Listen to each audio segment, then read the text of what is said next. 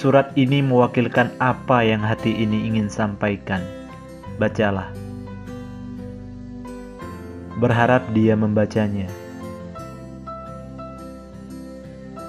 Sesekali di penghujung Jumat, aku beranikan diri menjemput doaku ke pelesiran Asta.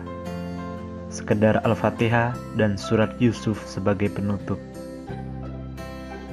Assalamualaikum padanya.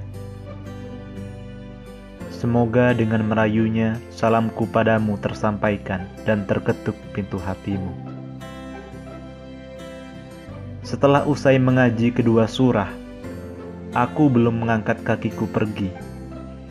Dengan secari kertas dan sebatang pena, aku mulai ritual selanjutnya, menggambarkan tentang dirimu, cantik parasmu, tersirat dalam bait puisi, dan senyummu padaku selalu berirama, tanpa noktah, bahkan memiliki rima-rima.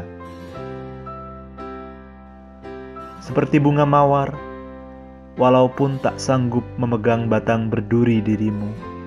Namun, memandang dari kejauhan, selalu kudapati semerbak indah mekar raut wajahmu.